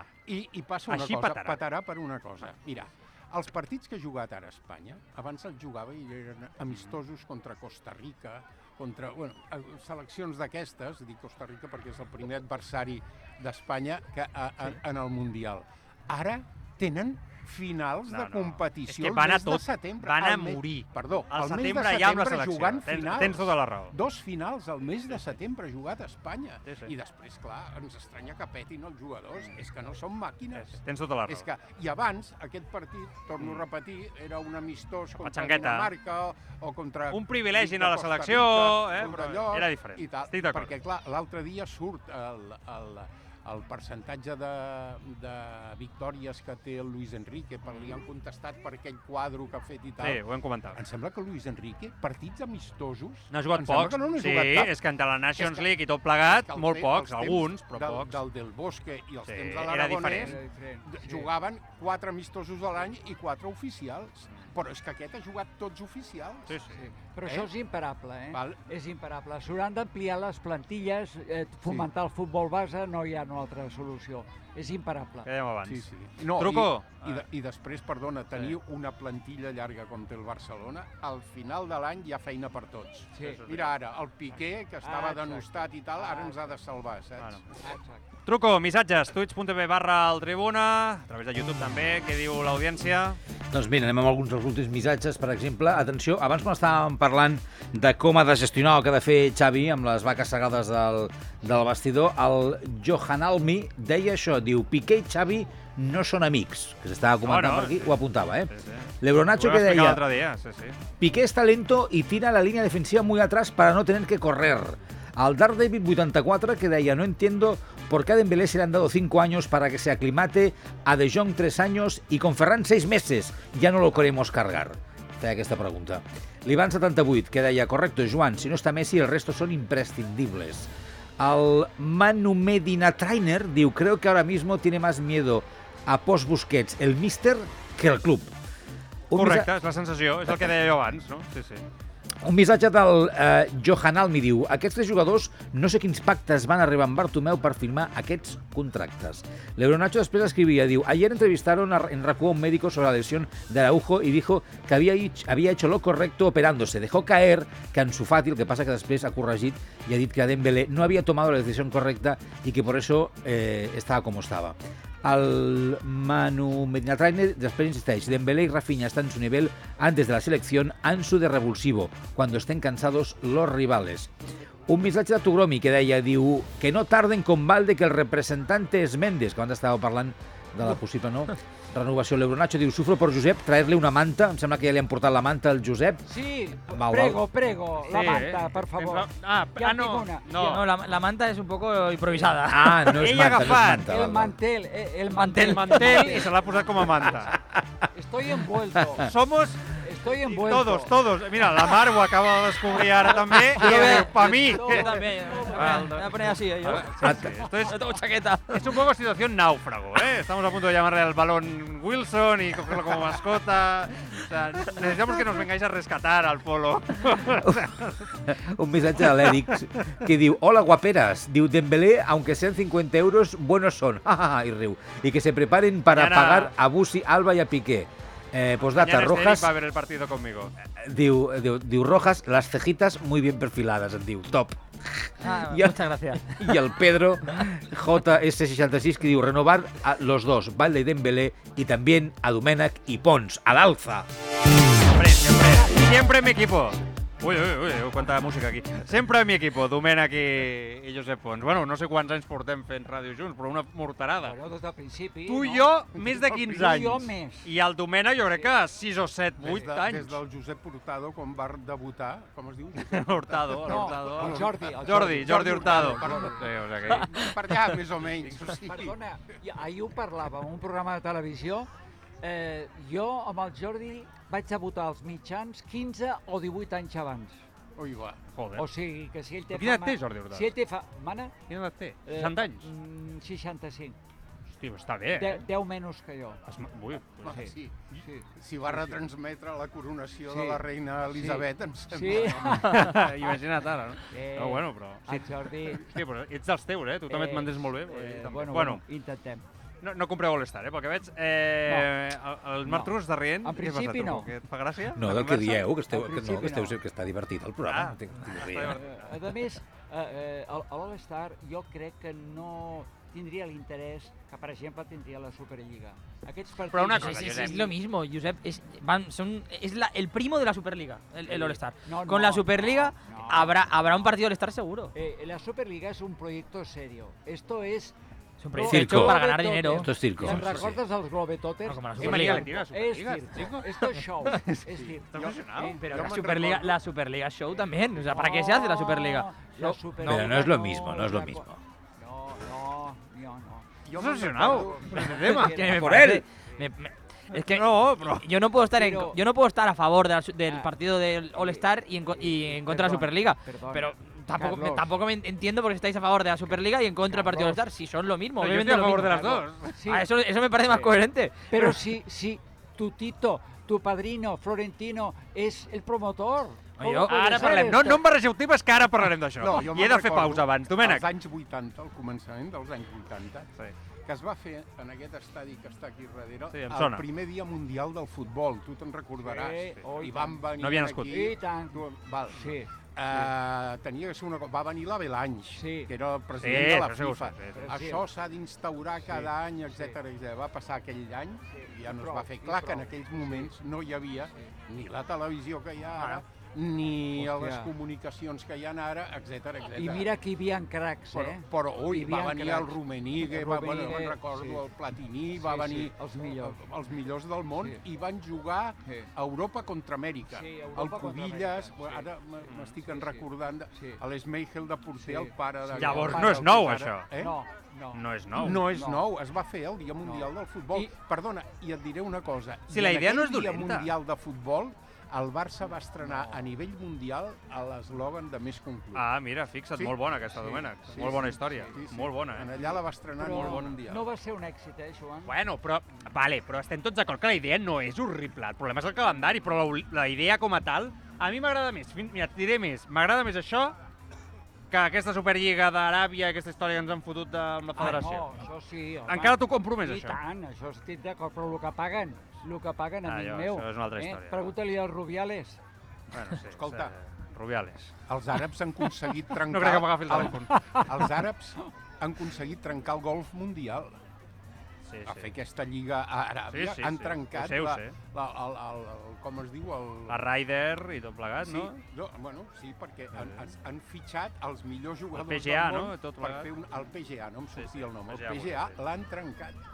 Sí, Vull sí. dir que això són molts dòlars. Bueno, eh? però si Molts està molt... A dòlars. veure, si jo puc entendre el tema econòmic, però, joder, sense perdre essència, ¿no? ¿Estamos de acuerdo? ya. A Una vez, se plantea, una vez se Que plantea. Carlos estaba respirando hondo y aquí... es, eh, que, es que una vez este se plantea esto ya en el fútbol, ya igual no es hoy, pero en el 2025 y si no en el 2027 se acabará haciendo. Porque esta idea, lo comentaba ahora Joan, ¿no? Eh, se dijo en Inglaterra primero de norte contra sur, porque no, no, no surgió espontáneamente. La trajo Todd Boehly, que es el nuevo propietario del Chelsea, y prácticamente toda la liga se rió de él, ¿no? De, esta propuesta. Pero ahora que se ha ampliado, ¿no? Por parte de otros clubes, hacerlo con un, eh, diferentes ligas, ya no es un norte contra sur, y hacerlo más a nivel internacional y con sedes eh, internacionales, ya nadie se ríe de Todd Boehly. Ahora ya parece un producto interesante porque hay mucho más dinero por medio. Eh, claro, Todd Boehly no es lo mismo para los ingleses plantear un norte contra sur en mitad de temporada con un interés relativo, ¿no? Seguramente mucho más de ellos, de Inglaterra, de la liga inglesa, que que sea internacional, que te lo paguen un- eh, los árabes y que y evidentemente pues Bueno. tenga mucho más prestigio. No es lo mismo. Al final, una vez se introduce, al igual que el concepto de la Superliga, es cuestión de tiempo que florezca y que acabe haciéndose. O sea, yo no tengo ninguna duda que es que va a haber Superliga y que va a haber Va a haber Superliga, All-Star. va a haber All-Star, va a haber Supercopa en el extranjero, va a haber partidos de la Liga Y de Estados mundiales de clubes. va a haver mundiales de clubes.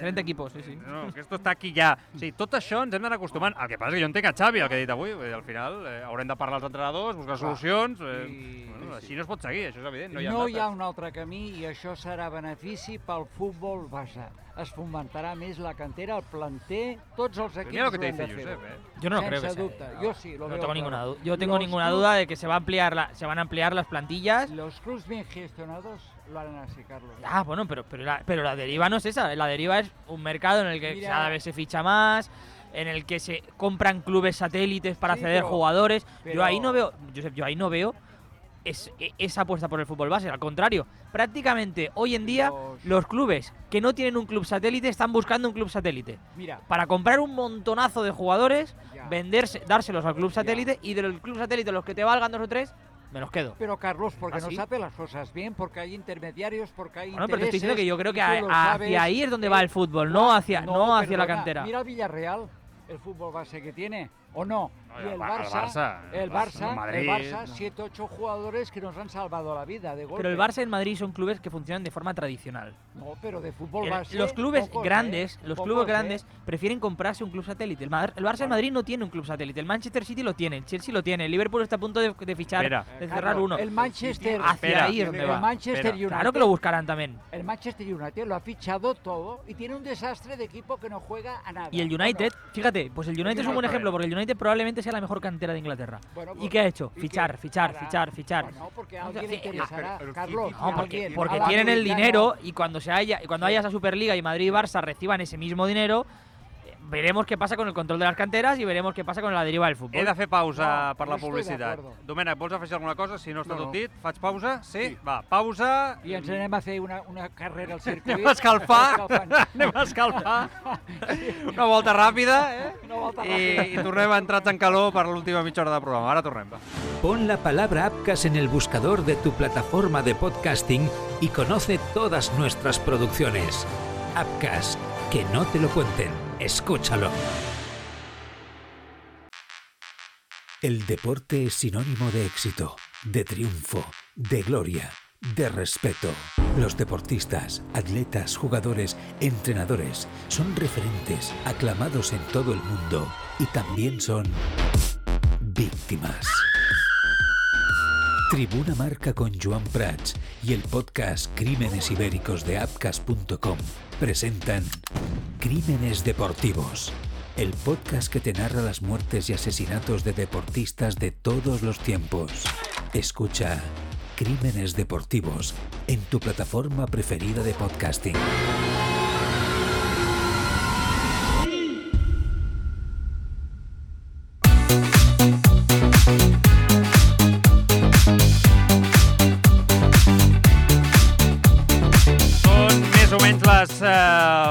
25 minuts de la tarda, seguim fent avui el programa des del Polo, des del Real Club de Polo de Barcelona. Estem, estem aquí en una tertúlia magnífica amb el Domènec García, amb el Josep Pons, amb el Carlos Rojas, amb el Marc Truco des de l'estudi eh, i el Carles, eh, Carlos Gil, eh, ahí, passando frío. con los pingüinos i portant eh, tota la part tècnica com no podia ser d'una altra, altra manera. Tema ràpid, eh, ah- ahir noves informacions sobre Messi. La SER va explicar que el jugador ja ha rebut una oferta de renovació del PSG, cobrant el mateix que cobra ara, 30 milions per temporada, li ofereixen un contracte de 1 més 1, Domènec. Eh, sí, és sí. el tema de sempre, eh? Avui el periòdico publica que el president Laporta ja ha pres la decisió de recuperar Messi, tant sí com no, que és una qüestió personal. L'article recorda que el Barça deu 35 milions encara al jugador i que aquest punt podria ser clau per trobar una entesa. Sí, però jo no veig l'entesa a cap lloc. El Barça ha de pagar i punto.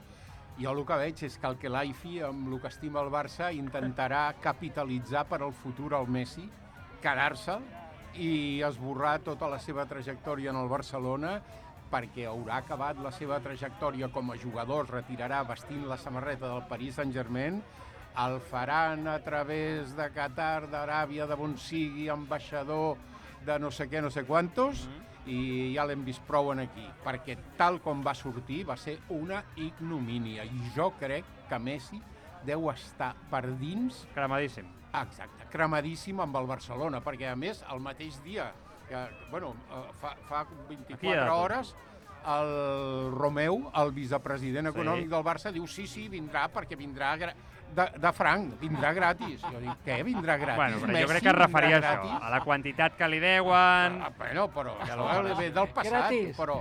Per on però- està però la, per la fitxar, gratuïtat, home, Joan? On està la gratuïtat? Hombre. Eh? Aquí hi ha tot amb el tema No, Messi. Gent más que si creu Messi que sí que és eh? possible, gent com No, vosaltres que no, ho no, veu ni, ni no, en pintures. jo- Jo no ho Eh, veig. no ho veu. a curt Jo- termini Ho no ho veig. Yo- Pero No ho Domènec, yo, yo creo que. Messi está quemado, pero yo creo que el entorno de Messi sí que quiere. Yo, eh, cuando hemos escuchado a su padre hablar, yo creo que sí que están abiertos. Lo que pasa es que tienen que darse ciertas cosas. Yo creo que Messi no está, no pasa por su mejor momento en la relación con el Barça, pero yo creo que no es una cosa insalvable. Creo que se puede arreglar No se puede pagar a la Yo- plantilla y vamos a pagar a Messi. Eh, Bueno, Es claro, que- ese para mí es el punto clave de la operación. ¿Cuánto Mira, va a querer Messi? Porque eh, si sigue jugando así, Pero si sale el vicepresidente y dice que vendrá gratis, que vendrá qué? gratis, gratis yo entiendo por el traspaso, por de contrato. A veure, però tots claro. estem d'acord en que mereix un altre final, que estem parlant del millor jugador de la història del club Sí, sí. i del, del futbol per mi. Per tant, escolta, eh, jo crec que sincerament que tot el que sigui parlar i raonar i apropar-se a Messi com a club i institució és una bona notícia. Tampoc ens ho prenem tot així d'aquesta manera, no, Josep? No, no, no.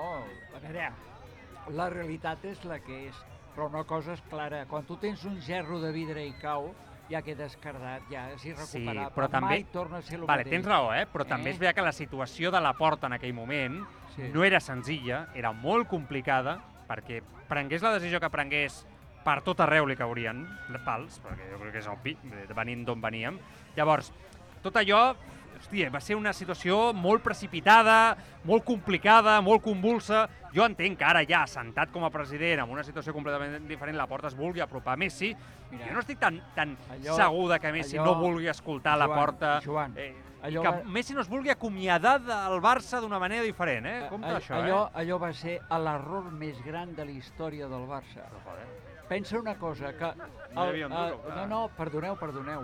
Uh, o sigui, el que costa Messi al Barça, eh, i això ho ha dit el president Laporta, triplica els ingressos. Ya, pero el tema de la masa no, salarial, No, eh, no, perdó, Josep. perdó, Ah. déjame terminar. Amb El la Lliga apretant. El 40%... No, no, no, esteu... Perdoneu, però us falta una mica d'informació. No, no no, no, res. us ho dic ara, ja ho veuràs, ja ho veuràs. Eh? Molt fàcilment. Eh? O sigui, el 40% dels sponsors del Barça s'han anat sense Messi. El PSG Però sí. ha ingressat Tot això 375 ja milions jo d'esponsor.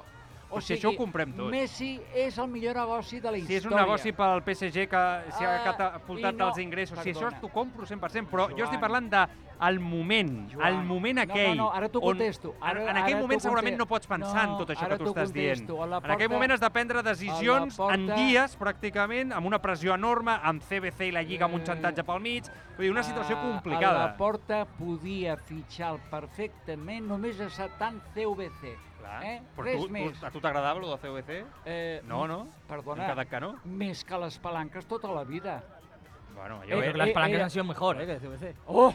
Oh, oh, oh, De hecho, por favor. a ¿qué- nivel de ingresos y ¿Qué dices? ¿Tú te vendes el patrimonio? ¿Te vendes el futuro? Pero CVC era ¿Estás vender habla- patrimonio también. Estás hablando de un 25% Pero- y CVC era un 10%. Pero menos dinero. pero mucho menos dinero, pero mucho menos dinero. No fotis, Pero es que hombre. era mucho menos dinero, Josep. no, era mucho menos no. dinero. Y además, además, muchos más años. O mira, sea, era mucho menos dinero y muchos más años. Porque el Barça firma 25 y Carlos, CVC eran 50. no, hombre, Hombre, no. Eso es importante, Por no es favor, importante. No digas eso, Carlos. Pero es que es la realidad. Que lo hemos estudiado Facultad de Económicas con el doctor Jaume Gilaluja. Y esto está desglosado. No hay punto de comparación. Tú te has vendido la casa, tendrás que pagar un alquiler y te quedas sin patrimonio. ¿Me Eh, Tú estás hablando de las palancas en general. yo te hablo de la no, palanca de la televisión. de si el Barça, no, si el Barça hubiera hecho- hecho CVC, Sí. hubiera hecho CVC, hubiera seguido necesitando palancas este verano. Es evidente, ¿no? No, Sí. no, hombre, no. Sí, hombre, Que ¿cómo que no? Pero si la masa salarial no, seguía disparada. Carlos, que el que problema aquí, Josep, Había- es que va la masa salarial, no los ingresos del club. ¿Cuánto El- se ha gastado el Barça en fichajes? Tú contabiliza eh, otra política más austera, más de cantera, no de fichar eh, Rafinha, Ferran Torres, en fin.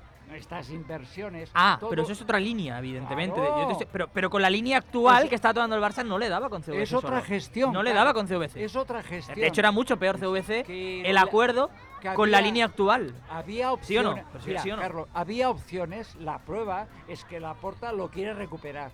O sea, eso es clarísimo. Porque Claro que Messi, lo quiere, pero claro, es que la Messi- Porta no quería ser el presidente del Barça que, viera, que dejara marchar a Messi. es súper rentable, te lo Ah, sí, aseguro. sí. Tenerlo siempre, Pero toda la Porta lo sabe, la Y, Porta eso lo sabe. y por eso lo quiere recuperar. Hubo un error, creo que Reverter influyó mucho al Yo también lo pienso, Y Romeu, y bueno, pues la Porta pues tenia Vale. confianza en Que opini sobre això el. Domènec no, també, i si aquí no, i el Marc clar. també, Jo evidentment. aquí no entenc una cosa de tot això. A veure, el Messi van estar dos mesos negociant. Arriben en aquí per firmar ell i el seu pare. I els hi diuen no. Però els hi diuen no. Tant, tant és així que es van quedar esturats els dos i el Messi plorant d'aquella manera com tots van veure aquí. Quedaven 25 dies per tancar el mercat. Per què es va produir aquest no tan radical? Potser sense perquè també vol- volen tenir un detall amb Messi per, que es busqui la vida i no es quedi sense equip. Res. Escolta, Dic jo, eh? 25 dies. Messi, pot Messi ser, sense no equip, sé. Messi sense equip, a les 48 hores firmava Ui, per al per Paris aquestes quantitats, Domènec, a vegades a no les és tan fàcil, eh, 48 aquestes hores. Jo, El PSG jo no entenc que estiguessin El PSG hace magia, ¿eh? dos Que mesos, dos mesos negociant i en dos dies, eh, per al Barça, i en dos dies el PSG li fa un contracte que suposo que s'assembla molt al que li oferia el Barcelona o el que anaven a firmar, i com és que el PSG es va Queden posar, moltes llacunes, pràcticament no va haver-hi cap negociació. És que jo, jo Clar. no ho entenc, no ho Sí. entenc. I no es va esperar 25 dies, perquè quedava temps fins i tot perquè atorgués una temporada cobrant 5 milions d'euros i ja ho trobarem, etc. No sé, és que hi havia 50 fórmules. Jo, aquesta radicalitat total i Mm. És el que no Sí, entenc. és veritat que és el que el no temps entenc. posarà en el seu lloc. Perquè van estar dos mesos allò, i en aquí va haver-hi alguna més al darrere. Jo, mm, ara se'ns escapa, ara se'ns escapa i a mi també se m'escapa, però vull dir que a, a darrere d'això hi havia alguna més. Que ja ho sabrem el dia Ho de sabrem, Sí. com tot, Tot- perquè Sabeu- el Barça una altra cosa no. Sabeu- Però se sabeu- sap tot amb la tot, història. tot s'acaba Sabeu d'on ve això? Sabeu d'on ve? Ve precisament culpa del Barto eh, i la seva junta. O sigui, quan van dir no volem a Qatar, el millor sponsor que tenia. Vale? Que no em treguis aquest tema, Sí, sisplau. sí, sí. sí. Des d'aleshores, si no- perdona, perdona, al que la fi això a Qatar va ser una No fotem, ofensa, va ser una No, ofensa, no, t'ho dic jo. ja. Deixa'm acabar, Joan. Va ser si una ofensa ja ens hem discutit mil al cops, això, país. però- Va ser una ofensa al país. No. I després... Però què havíem de fer? Seguir amb perdona, Qatar? Per, sí, perdona. Amb Qatar, eh? Amb aquí Estem parlant el- de Qatar, amb eh? Aquí està el Madrid, amb Aràbia Saudí. Què? I a l'Inter, i al Manchester, i a l'altre. jo em sento orgullós de- de que el? Barça renunciés no, a això. no. El problema es que se hizo No una mala pa- gestión posterior. Pero van el a Barça- hablar ni mal diable. Perdona, Pero el Barça no, no, podría haber sido viable sin Qatar. El problema es que el dinero que había es lo que se, mal- luego, somos, luego somos tan guapos Escolta que, el Marc, eh, que perdona, que vamos a por Thiago Silva, y luego vamos a por Berratti, y luego vamos Bueno, a por Marquinhos. i Sense luego complexes, és el Barça. I l'altre s'emprenya i diu, Vale, ara, bueno, vaig per tu. això és un problema, Guerra, un mercat lliure, tu. Això va ser... Ara, que vull escoltar el. Marc, que, que vull escoltar el Marc sobre tot això. Truco, t'escolto. A, a veure, que està clar que les coses van ser molt complicades, la situació ho era. Eh, jo no sabria mullar-me sobre si, com apuntava eh, el Domènec, o és el, la sensació que he tingut escoltant-lo, o el que he pensat, eh, va haver-hi una intencionalitat, potser, no?, amagada, alguna cosa que no sabem i que no es va fer el que s'havia de fer per, per aquesta renovació. Però el que sí que està clar és que eh, s'han trobat les solucions després de que Messi no estigui el club. És, vull dir, és, és curiós, ja sabem quina ha estat una mica l'evolució de la Junta, de la Porta, dels seus avalistes, però ells ja feia mesos que estaven al club, treballant internament amb els números del club i parlant fins i tot públicament de que traurien informes i farien la due diligence i tot allò, no?, per explicar com anava. Per tant, des d'un bon moment, jo crec que havien d'estar treballant per trobar solucions. I una de les solucions, una de les solucions, era la renovació de Messi. Si no, apaga i vámonos. I no es va produir.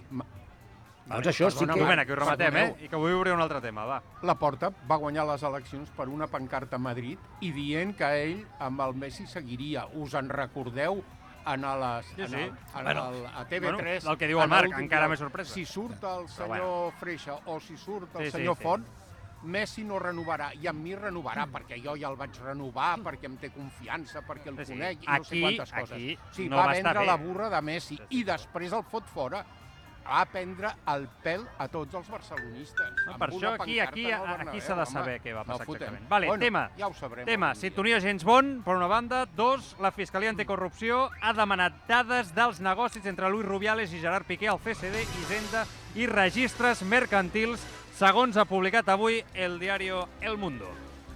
Compte, perquè això té mala pinta, eh? Té mala pinta. Hi ha uns àudios molt lletjos al respecte entre Rubiales i Piqué. Sí. Eh?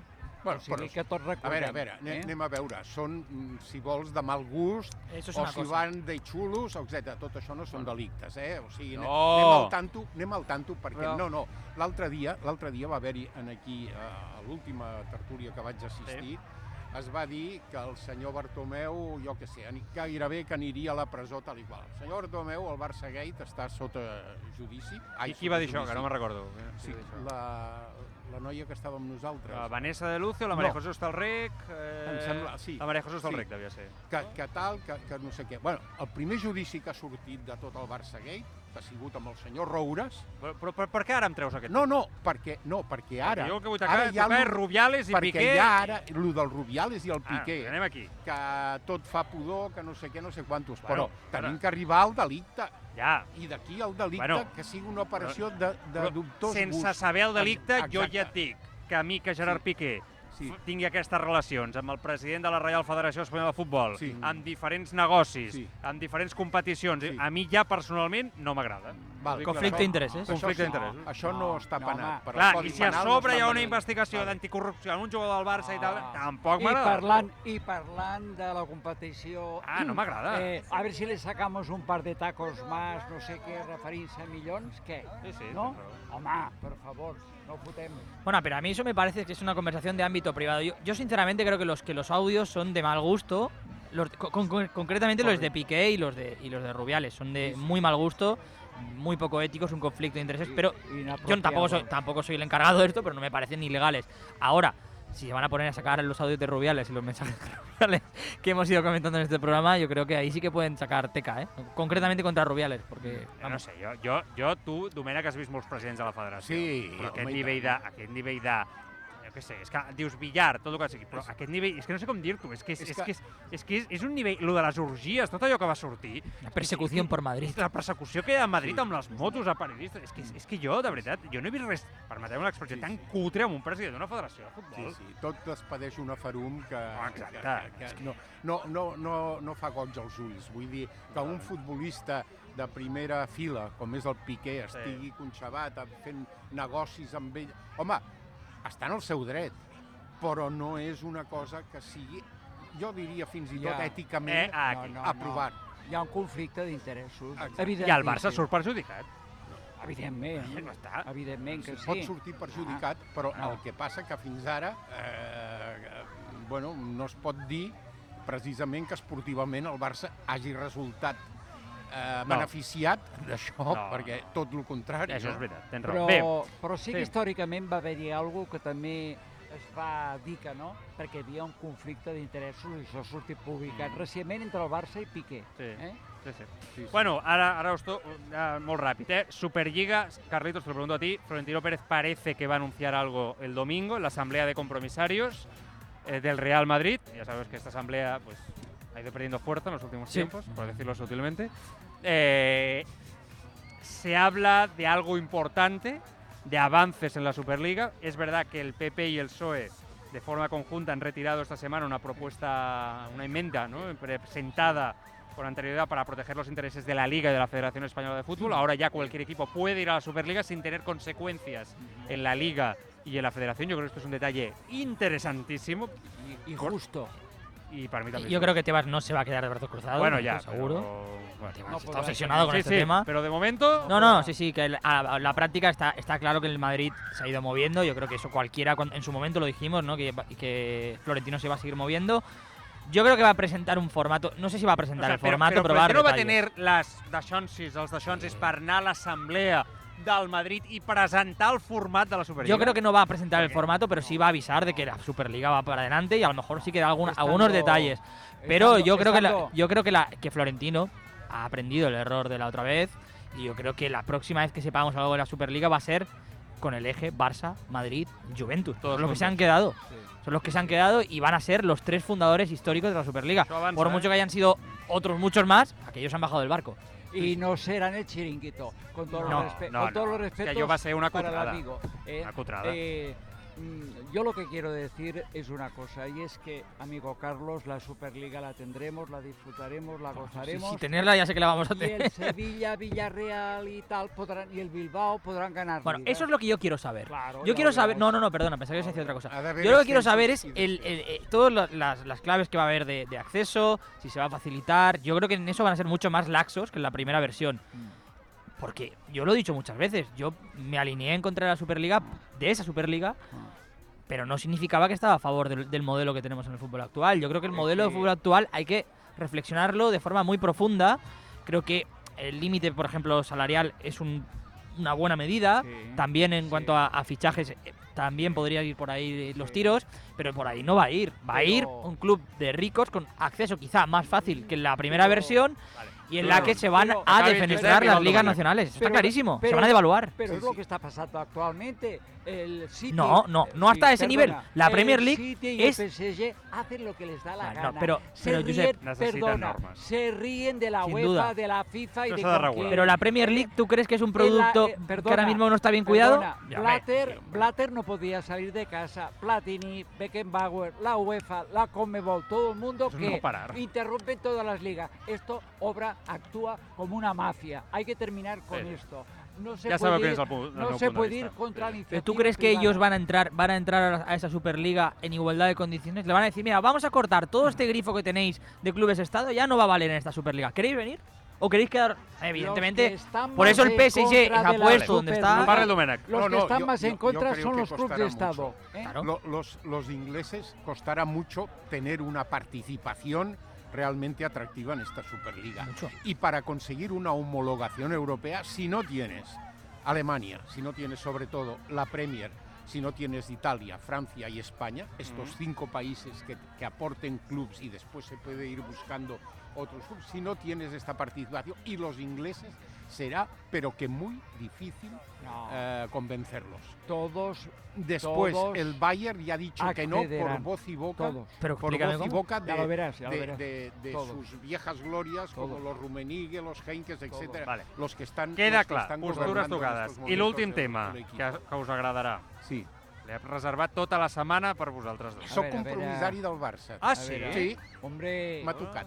Hombre. Agafaràs el micro i parlaràs? No, no, no sí, podrà. No és És presencial, virtual, home, és no- virtual. Ah, no, clar, que és Ni em telemàtic. connectaré, ho veuré per televisió. clar, que ara ja no, eh, Això serà, jo- serà una camama, Fixa't una jo que encara tenia el cap, el serà- cap en la cosa antiga. Estaría bien que hablaras tú, una Domènec, eh. Estaría bien, que, estaría bien que hablaras. Sí, sí, no, clar. pero es que no voy a ir porque allí conectándote desde casa y tal, es que no te pego Bueno, ni capas. vale.